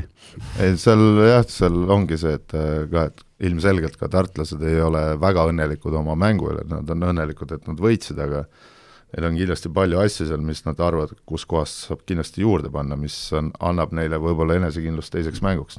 minul küsimus, palju sa Kreekas olles Eesti korvpalli jälgisid ja milliseid klubisid sa ja milliste klubide mänge sa kõige rohkem jälgisid? No pilti väga ei näinud mingeid üksikuid mänge, aga selles mõttes ma olin nagu seisude ja tulemustega olin kursis. et sa oled ikka korvpallisõber selles suhtes laiemalt ka, mitte ainult siis, kui ise trennis ja väljakul oled? no ikka jah, selles mõttes mulle meeldib jälgida ja siin on ju ka sõbrad ja vaatad, vaatad, mis, mis toimub. aga ütleme, Kalev VTB oli sul välismaal selline eelistus või pigem vaatasid ikka, kuidas Raplal läheb? äh? VTB mänge ma üritasin ka jälgida, aga aga panid käima, siis oli arvut punane reklaame täis ja kõike. aga mul on sama. no üldjuhul oli, no mul on natuke uuem arvuti. mul, mul, mul nagu nii punaseks ei läinud, noh. seal on muud põhjused. pead kohe juhtme seina panema. aga küsin veel äh, seda, mis enne jäi küsimata siin, kui me küsime ühte-teist, kas NBA või Euroliiga? Euroliiga. väga hea, siin oli see õige vastus olemas ja, ja see tuli ka. ilmselgelt Euroliiga. NBA-s saab lihtsalt treenerina palju kasulikku asju, aga muidu mängupilt on ikkagi, ikka selgelt Euroliiga. ainuke asi, mis seal, ainuke asi, mis sealt eh, NBA-st tuleb eh, üle võtta, on see James Hardeni see step back, kus neli sammu võib teha. et see võiks ja see, seda, vaat seda ma olen näinud. kusjuures selle NBA-ga oligi, no see on, näitab ju natukene, kui tsirkus see on. see Simmons pani täna kolmesena, mingi video on, kus äh, Esimene fännid kolmene, vaatasid baaris, saad aru, baaris, kuskil sportbaaris on terve baar oli täis, vaatasid seda mängu enne suurel ekraanil, näitas, kuidas ta pani kolmese, seal läks pidu niimoodi lahti, nad, nad oleks nagu play-off seeria no aga kuule, ma lugesin, et ta õlle, õlled lendasid ja need See olid oli- esimene kolmene üldse. esimene ja kolmas esimene üldse. kolmene üldse NBA-s tal. no, palju õnne. seal oli rohkem jah tähistust kui seal Kossil, kui see viimase sekundi vise, seda võib küll öelda, jah. millegipärast olin, nägin samat videot, et no vot, ei no kuule, aga see on tore, kui inimesed rõõmustada oskavad. see on tore, kui inimene kolmese sisse saab, See on- see see on- ei, kõik on ei tore. on ikka jah, see on noh, see minu arust sa võiks ka, Marko, rohkem kui ütleme, soo- naiskonda või kes sul parasjagu hoolealused on, viskavad ühe ko korvi, sa tead, et see mängija pole ammu näiteks visanud kaugelt sisse, et sa kohe lähedki ekstaasi, sa oled seal jess ja sa sütitad ka, ütleme, teistesse mängijatesse sellist meeletut ma positiivset. ei saa seda nii teha, sest nad vaatavad, mis siin nüüd toimub, et see on mingi imelik värk, et aga vahel sa aitad, nad ei, nad ei saa mu joonisest ju aru. niikuinii sa, nii. ei no ikka jah, aga no ma ei tea, kas peab mingi terve USA kohe või no terve on Ameerika Philadelphia no., see on Ameerika ka. ei, ei vägev, no palju õnne Bennile kolmese eest. ja ka siitpoolt, kui peaks kuulama, aga meie läheme järgmise rubriigi juurde. mängija profiil, üks inimene, erinevad vaatenurgad mängija profiili rubriigis, Siim, me oleme välja valinud täna naismängija ja meile naismängijad üleüldiselt meeldivad, aga eriti meeldib meile Janne Pulk, see, kuidas noor üheksateistaastane Eesti koondislane on nüüd esile kerkinud äh, Bundesliga-s Hannoveri klubis, on vist päris märkimisväärne. No ütleme nii, et äh, ma arvan, see, siin on nüüd see koht, kus võib Markot vist eksperdiks nimetada, üritab kuna kolmas kord on kohta ikka saada. veel mitte. ütleme siis arvamusliider. arvamusliider jah, kuna, kuna Janne ju tema käe all kas neli või kolm aastat või palju see oli, mängis kolm. kolm aastat jah, et ja siit otse Audentesest ta sinna Saksamaale läks. ja nüüd siis nii-öelda eelhooaja mängudel oli juba näha, et ta skoori suudab seal teha. nüüd on kolm esimest põhijooaja mängu ka peetud, kahest neist on kahekohaline punktisumma, viimasest seitseteist punkti üle platsi naine. just. et Marko, et äh, ma saan aru, et sa oled neid mänge ka vaadanud, et arvuti nii punaseks seal ju ei läinud, et oota, oota, oota, see ei See ole mingi stream. aa, see okei on, niimoodi, et seda saab vaadata nagu Ametlikult, interneti jah. lehekülje pealt ametlikult aga ja nii ei edasi., no kui Marko ega mitteametlikult ei tohigi ühtegi Jah. videot vaadata. no siin jagatakse, kuule, et keegi küsib, et mingit mängu näeb, pannakse mingi stream, nii kui sa selle tööle paned. Jaa, jaa, jaa. see ongi elatud. Selle osa lõikame pärast välja, on ju, saatest. mina Jaa, ei jaa. vaata kunagi selliseid Jaa. striime, kus ei ole mul makstud selle eest. ühesõnaga tuleme küsimuse juurde tagasi. aga see on tasuta, seal ei pea maksma. mida sa oled äh, nii-öelda Janne mängudes näinud ja, ja kas ta on selle suvega või siis ütleme, eelmise hooaja lõpuga võrreldes nagu juba nagu mingi sammu edasi ka teinud? juba kohe sammu edasi teinud uh,. Liiga tasemes on küll need sammu edasi teinud, on ju, aga nagu mänguliselt uh,. alustame, no, alustame kergema küsimusega. jaa, ma, ma võin äh, nii, sa alusta vist ise vastusega. ühesõnaga ma olen vaadanud äh, kahtede mängu, ehk siis esimest ja kolmandat. et äh, esimesest mängust ta vist oli ka oma võistkonna parim nelikümmend punkti, nüüd viskas seitseteist, teine mäng, mida ma ei näinud enne, läks kehvasti. seal eriti ei tulnud ja ei tulnud ka mänguminuteid, aga no, ma olen talle seda samamoodi öelnud, et äh, ma arvan, et see on ideaalne liiga talle arenemiseks, kuna see võistkond on suht palju noori, Saksa meistriliigas saab mängida, kui ta saab minuteid ka, on ju, siis arenemiseks on see ideaalne, et sa ei pea kohe minema kuskile Poola või Türgi on ülitugevasse, sest et tegelikult oli tal huvitundis ka eelmise aasta Saksa meister. aga nemad ütlesid kohe, et, et me ei saa sulle nagu garanteerida mänguaega, noh. aga kui me rääkisime Jannega sellest kevadel, on ju, siis ma ütlesin ka, et üks asi, mis agendi käest võiks küsida, on see, et et ta peab leidma sulle niisuguse satsi, kus sa saad mängida et edasi areneda, et see sats oleks see, kes nagu näeb vaeva sellega, et ei ole nii, nagu need kreeklased, et kavaldavad, on ju, et iga, kogu aeg läheb mingi taktika peale, vaid ta peab edasi arenema, ta on üheksateistaastane. no ja kui ma vaatan neid mänge, no kuna ta on mul Audentes olnud, on ju, siis tal viskamise koha pealt olid suht vabad käed, kuna ta näeb vaeva, ta suudab sisse visata, iga hooaeg ta visketabavused äh,, protsendid tõusid, ehk see näitab nagu stabiilsust, arengut. aga kas ta sai joonisest aru, mis sa nõudsid või? ei, ma ei tea, ta sai pallimani peale, noh. kuule, minu arust see Rait võiks meil teinekordki saates olla, lihtsalt kas või remarkide korras. mul oli nii, et äh, üle andke pall sinna ja siis pani peale. aga kas praegu on sama joonis, et praegu ei saada siis aru või? kuule, Karl, me läheme kohvile, et praegu, praegu, praegu, praegu, praegu ei ole jah, sest et vaata, arened iga aastaga, nii et noh, kolme aasta pärast küsi sama, siis ma ütlen, oi, kõik viskavad no.. kuule, aga Marko, natukene, natukene laiemalt, ütleme, Janne Pulk on selline mängija, kes on ikkagi nii noor ja nii hiljuti siia korvpallimaastikule laiemas plaanis nagu kerkinud, et, et ega paljud temast ju ei teagi, ole hea, ütle, mis tema sellised tugevused mängijana võiksid tulevikus olla ja mis ta, mis tal juba täna tugevused on? ma saan aru, hea vise korvpalluril on üks omadusi, mis peab olema, aga aga mis ja kuidas veel? tema puhul küll, jah, et äh no eks kolme aasta jooksul on päris palju seal äh, probleeme ka olnud, on ju, aga, aga ta on hästi nagu teinud trenni äh,, ta saab suht hästi aru nagu mängulistest olukordadest ja mis ta käest nõutakse, noh, et aga ma arvan, et kui ta, noh, ta mängib number kahte, noh, et ilmselgelt tast ei saa point guard'i, aga ta võib seda positsiooni noh, kedagi asendada, aga mitte nii, et ta nagu pannagi mängujuhiks, on ju. ehk, ja ta tugevused on minu meelest on täpselt ideaalsed nagu esiteks ta on väljast väga ohtlik ja teiseks ta oskab läbi murda. et äh, mida ta näiteks Saksamaa mängudes veel nii palju ei ole näidanud, võib-olla nende joonis on selline, et ta ei tohi minna või ta millegipärast jätab nagu pooleli need minekud kõik.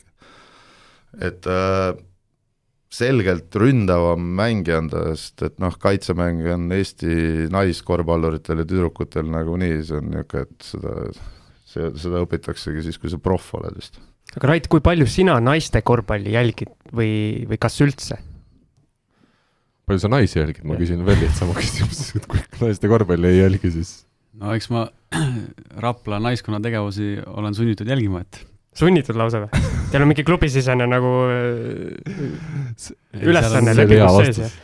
seal on elukaaslane mängib, et Aa. see on ka hea põhjus minu arust. ja proovi see, proovi see mäng vahele ette. et see oli niisugune jälle trikiga küsimus, kuidas ma nüüd oleks pidanud sellele vastama aga mulle meeldis see sõnastus, et olen sunnitud, et ega vabatahtlikult. ei, tegelikult ma ei ole nüüd neid mänge ka ammu näinud, aga kunagi, kui Rapla mängis, naiskond mängis seda meistriliigat täitsa, et siis ikkagi sai saalis käidud küll väga hea, nii, aga ma nüüd küsiks edasi Janne kohta veel, esiteks, kust ta pärit on?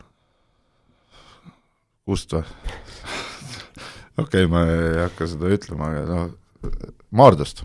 nii, väga hea, ja kuidas sina, ütleme, tema tulevikku näed selles perspektiivis, et kas ta on nüüd selline talent, kellest võib tulla täiesti Euroopa tasemel korvpallur, kus sa näed tema selliseid piire? ma tean, et seda on raske treenerina öelda ka see sõltub kõik äh, päris palju temast endast ja ilmselgelt äh, tal on mingisugused äh, väljavaated jõuda päris kõrgele, aga ma pean selle ära ütlema, sest ta kindlasti nagunii kuuleb ka, sest et ta kaitsemäng on ja ta teab väga hästi, on see, mis äh, võib mingil hetkel hakata nagu piire ette panema, mis puudutab nagu tippklubisid, noh, et äh, et see on asi, mida ta peab nagu veel kõvasti arendama, aga kuna ta tahab proff olla äh, üritada nii palju kui võimalik on, siis ma arvan, et miks mitte, noh, ta veel on niisugune ka, et ta elab ka korvpalli sees, et äh, ta on üks nendest mängijatest, kes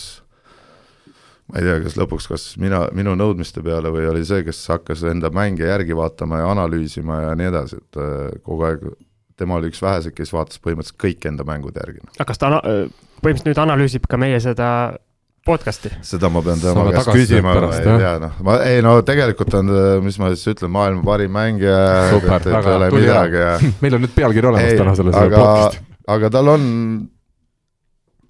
töökust tal on, nii et äh, ma arvan, et ta võib jõuda küll, et ma ei ütle, et ta sinna Jekaterinburgi päris välja jõuab, aga mine sa tea, noh, et äh, kõik sõltub temast ja loomulikult jälle see, et äh, õnne on vaja, nii nagu siin ennemgi läbi käis, noh. Korvpallurite puhul on pikkus ka hästi tähtis, temal ma vaatan ametlikult märgitud sada seitsekümmend neli sentimeetrit, kas ta siin viimastel aastatel viskas veel juurde ka või on tal see pidama jäänud? nüüd on need uued äh, Lebronid ostud, need juba annavad sulle kolm senti juurde, nii et äh, sada seitsekümmend seitse. jaa, et aga naiste korvpallis ei ole nagu, kui sa oled ikkagi viskaja, siis sa suudad väga orient-, mängida nagu okeilt, et seal ei ole nii, et sa pead olema meeter üheksakümmend, et äh, tagamängijate puhul ei ole see kõige hullem, kui sa oskad nagu oma oskad ära ennast kasutada nii kaitses kui rünnakul, et sa liiga kergelt vahele ei jääks, noh. kui me siin üle laua vaatame, siis ega Rait ka kõige pikem mees ei ole, et mis sinu see ametlik pikkus on? seitsekümmend kaheksa mõõdeti see aasta Medical kontrollis välja. ja kuidas hakkama oled saanud korvpalliväljakutel? No- hea siia saate lõppu veel selline küsimus. eksperdi küsimus. nagu, nagu Marko, nagu Marko ütles, et eh, vahele ei tohi jääda, et eh, tuleb kavalusega hakkama saada kuidagi. Need asja, mida, kus on pikkust vaja, tuleb kuidagi kavalusega saada, aga samas ma arvan, pikematel meestel lühemate vas- vastu ei ole ka nii kerge, kui sa oled harjunud mängima meeter üheksakümneste vastu. ma just tahtsin küsida, et kas äh, selle väikse pikkusel, väiksel pikkusel on mingil hetkel nagu mingi eelis ka kuskil korvpallimängus või? no Siim, sa ju omast käest tead ju. no ma tahan nagu nii-öelda tippmängijate käest teada, et äh, on või ei ole.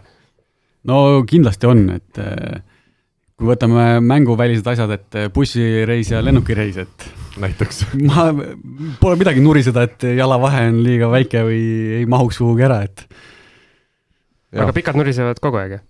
No ikka, kui seal ikkagi mingi paari meetri jagu neid jalgu on, et pane sinna bussiistme vahele neid kuhugi. sellepärast paljud eestlased tahavadki Eestis mängida ikkagi kogu karjääri, et siis saad siin Läti ja Leedu vahet sõita ja ongi mõnus. aga kuule, meil hakkab saade vaikselt läbi saama, enne ma veel küsin, äh, naiste Bundesliga, mida see nii-öelda professionaalsuse poolest tähendab, kas see tähendab, et kõik naised teevad seal äh, äh, klubis, ütleme, igapäevaselt kaks korda päevas trenni? Äh, sa mõtled otseselt Hannoveri klubi? just. Neil päris kaks korda päevas seal ei ole, aga neil on äh, mingi imeliku süsteemiga, et seal on üks hommiku nad teevad äh,, viskavad enne, siis kuskil on mingid hommikud vaba, kuna seal pidi olema ka saalidega probleem, aga neil peaks olema vist kaheksa trenni nädalas, pluss mäng. et ikkagi saab koormuse kätte? et äh, põhimõtteliselt jah, et äh, jõusaalid ja saal on vist äh, kas viis korda või kuus korda ja siis kaks jõusaali treeningut. et no küll saab küll saab ja kindlasti meil tuleb veel äh, Janest siin äh, tulevastes saadetes loodetavasti juttu, aga saate lõpetuseks võtame ette Kalev Cramo võit Nižni Novgorodi üle, mina ütlen, et äh, see oli küll viimaste kuude üks suuremaid üllatusi korvpallitandril minu jaoks vist kahtlemata, et ma vaatasin isegi koefitsiente enne mängu algust, Nižni Novgorod oli üks koma null viis ja Kalevil oli üle kümne, et, et arvestades seda, et eelmise aasta seitsmes ja kaheksas meeskond ühisliigas vastamisi läksid, siis selliseid koefitsiente väga tihti ma loodan, et sa vaatasid koefitsienti ikkagi Optibetist, eks? absoluut, ja loomulikult, ma mujal ei käigi, mul see viskabki punaseks, viskab arvuti ette alati siis, kui ma lähen Optibeti lehele, sest seal on üks värv on punane, eks ole. sellest Marko räägibki. aga mis me ütleme pärast seda, kui Jurmalale on meeskond kaotanud enam kui kümne punktiga äh, ja siis tuleb ühisliigas võõrsile mäng Nižni Novgorodiga ja me suudame selle võita, mida see nüüd Kalevi kohta näitab, väga raske on mingeid järeldusi minul siit kaugelt vaadates teha. ebastabiilsust. No eks see on ikka hooaja alguse värk ka natukene, et eh, vahetati ju välismaalasi ka ja, ja ma arvan, see asi loksub nagu ajaga paika, et see on, alati on ju, ka varasematel aastatel on olnud nii, et hooaja alguses on neid üllatusi tegelikult natuke rohkem kui on hooaja lõpus, et ma küsin sult selliselt, et äh, sinu nii pikaaegne meeskonnakaaslane Martin Paasoja on nüüd Graamos, et kui palju sa või kui palju te neid siseasju seal arutate või kuna te olete nagu Eesti-Läti liigas rivaalid, et siis nagu väga sihukest juttu, nii-öelda meeskonna sisejutte nagu ei räägi omavahel? ei, sisejutte ei räägi, et meil on muudest asjadestki rääkida, et mõttes on millest, oot, oot, oot, millest, millest, millest, ma ei, ma ei saa küll aru, kaks Eesti, ütleme, tugevamat võistkonda, üks mängib ühes, teie teises, julmalt tahaks mina teada, et mis seal teises võistkonnas toimub. no ei, ei räägi selles mõttes ju, mis sa trennis teed või kuidas kellegi tervislik seisund on no. või et noh. ei, nad saavad lihtsalt kokku ja meie pubis. Ja siis hakkavad rääkima, see treenerid on kõik malakad ja, ja nii ta läheb, noh. ei ole nii hull, ma arvan. Ei ole nii hull, jah sellepärast Markole see profikarjäär nii olematuks jäigi, et kõik treenerid olid malakad.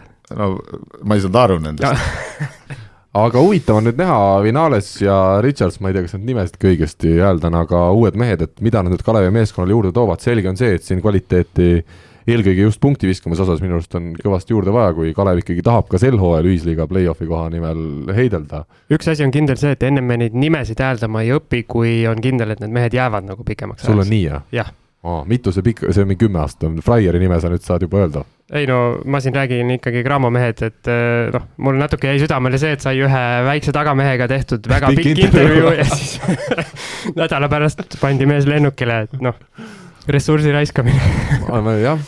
aga Richardit ei olnud ju eile seal. viisat ei saanud veel jah? jah, no oma viga aga, aga see ei, see tagumine, mis ta oli, Vinales või? no me ütleme Vinales täna veel. võtame jah, et, et äh, see oli päris okei okay vend, ainuke asi, mis häiris, oli see kolm mööda pandud vabakat, noh, kui ta viskaja on, et ta ikkagi suudab nagu päris teravust hoida, jagab seal veits palli ka ja ma ei tea, ta oli päris niisugune okei okay ja rahulik ka suht, noh. aga samas see esimene Eesti-Läti liiga mäng äh, läks tal siis, ma ei tea, kas ta tuli otse lennukilt, no ei tulnud otse lennukilt, oli ennem juba, ennem kohal, aga kas oli ajavahe või ei, midagi? kui vaadata seda mängu, siis need kõik Kalevi vennad tulid seal otse lennukilt tundub. eks seal on, äh, noh, see ongi nii nagu uus vend, uued reeglid, sa pead midagi harjuma, sa ei tunne neid. no aga Jurmalale kaotada ikkagi Kalev Cramo, ma saan aru, ei, ei tohiks mingil juhul. jaa, aga saate aru, Jurmal üks kõva pluss on äh, nende pealik, noh kes äh, pingis, äh, pingi peal juhatab, sest kes see pealik on?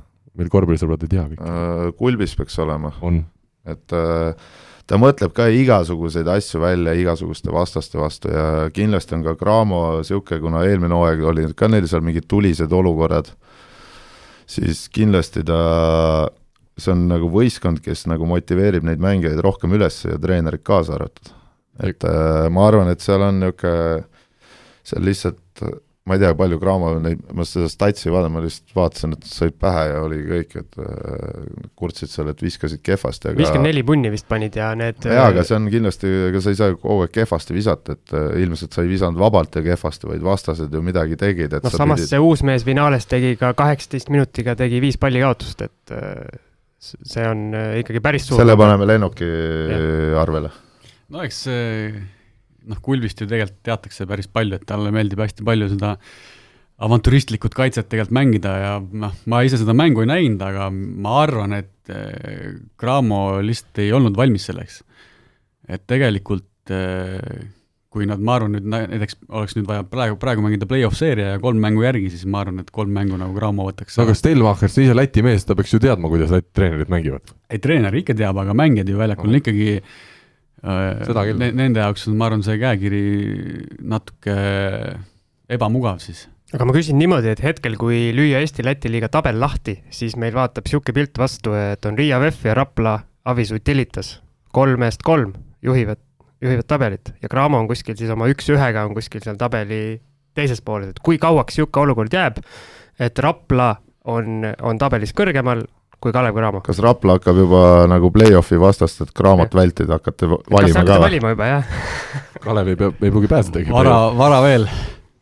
aga noh, vaatame, et TTÜ ei ole siin mänginud, äkki panevad siin mööda veel. võib-olla võetakse maha see sats siis sul on mingi siseinfo või? ei ole, ei ole, ei ole. ma ütlen lõpetuseks veel nii palju siin, et äh, Jurmala meeskonnas ju Kaspar Svetšvagars mängib ka, kes on äh, ütleme, Žalgirise jälgijatele mingitest aastatest tuttav, ma ei tea nüüd, kui äh, tugev mängumees ta tänasel päeval on ja miks ta seal Jurmalas mängib, aga sama aastakäigu kutt istub siin vastas. oled mänginud tema no, vastu? olen mänginud ja päris palju olen mänginud, et äh, Žalgiris ta oli, aga aga kui ma nüüd ei eksi, siis tal on vist äkki kaks korda põlve lõigatud ka, et äh, et sealt võib veel tulla äkki või? vigastusest tuleb tagasi, ma ei ole nüüd teda mängimas näinud nüüd päris mitu aastat, et ma ei tea, mis seisus ta on. ta isa, ta isa oli Läti koondise treener. aga kuidas Lätis see ja hakkas ta, ta mängis koondisest paar mängu ja siis ta mängis seal päris hästi, noh, et äh, kindlasti niisugune Läti liiga ja ma arvan, et ta võiks isegi kuskil veel Euroopas katsetada ka, et äh, ta on, ta on päris okei okay mängujuht, tal on head omadused, eriti mängib ta hästi pika rolli, noh. Aga kas no-. Lätis on see kakskümmend kuus eluaastat, on veel noor mängija või enam mitte? seda ei oska öelda, aga noh, kui mäletamegi seda kus see siis nüüd on U- noorem teist? U kakskümmend turniir, mis Tallinnas oli ju, seal ka ta mängis, et äh, tema oli ju tegelikult üks selle Läti mängu aluseid, et finaali nad purjetasid välja ja ja Kalevi teema lõpetuseks ma ütlen nii, et kui mina kahtlesin, kas Kristjan Kitsing, mis ta sel hooajal teeb, kui, kui tal ei ole nii häid, ütleme, tagamehi välismaalt kõrval nagu eelmisel aastal Kalevis, siis mul on küll rõõm tõdeda, et Kristjan Kitsing on sama hea soos. Imki vastu kaksteist punkti ja Nižni Novgorodi vastu kolmteist punkti, nii et äh, aga protsendid? jah, tänase saatesse ei mahu, ei mahu, ei mahu, hea meelega ütleks Marko, aga hea meelega ütleks, aga ei, ei mahu, saate Nii- aeg hakkab läbi saama nii suured protsendid, et ei mahu või, või kuidas? Nii, igatahes oli äärmiselt meeldiv, Marko, Siim ja Rait, Rivo siin eriti veel seda viimast nime, ma ütlen, mul oli hea meel Siimu ja, ja Markot neid ikka näeb, aga, aga oli tore, oli näha, oli tore näha, et sa ka küsimusi oskad küsida. jah, tänud kutsumast! ja kuna sa nii hästi küsimusi oskad küsida, siis me lubame omalt poolt, et see ei jää viimaseks korraks, kui me sind siia saatesse kutsume. väga meeldiv, igatahes aitäh kõigile asjaosalistele ja kohtume juba nädala pärast. kuulmiseni! Kuulmiseni! nägemist!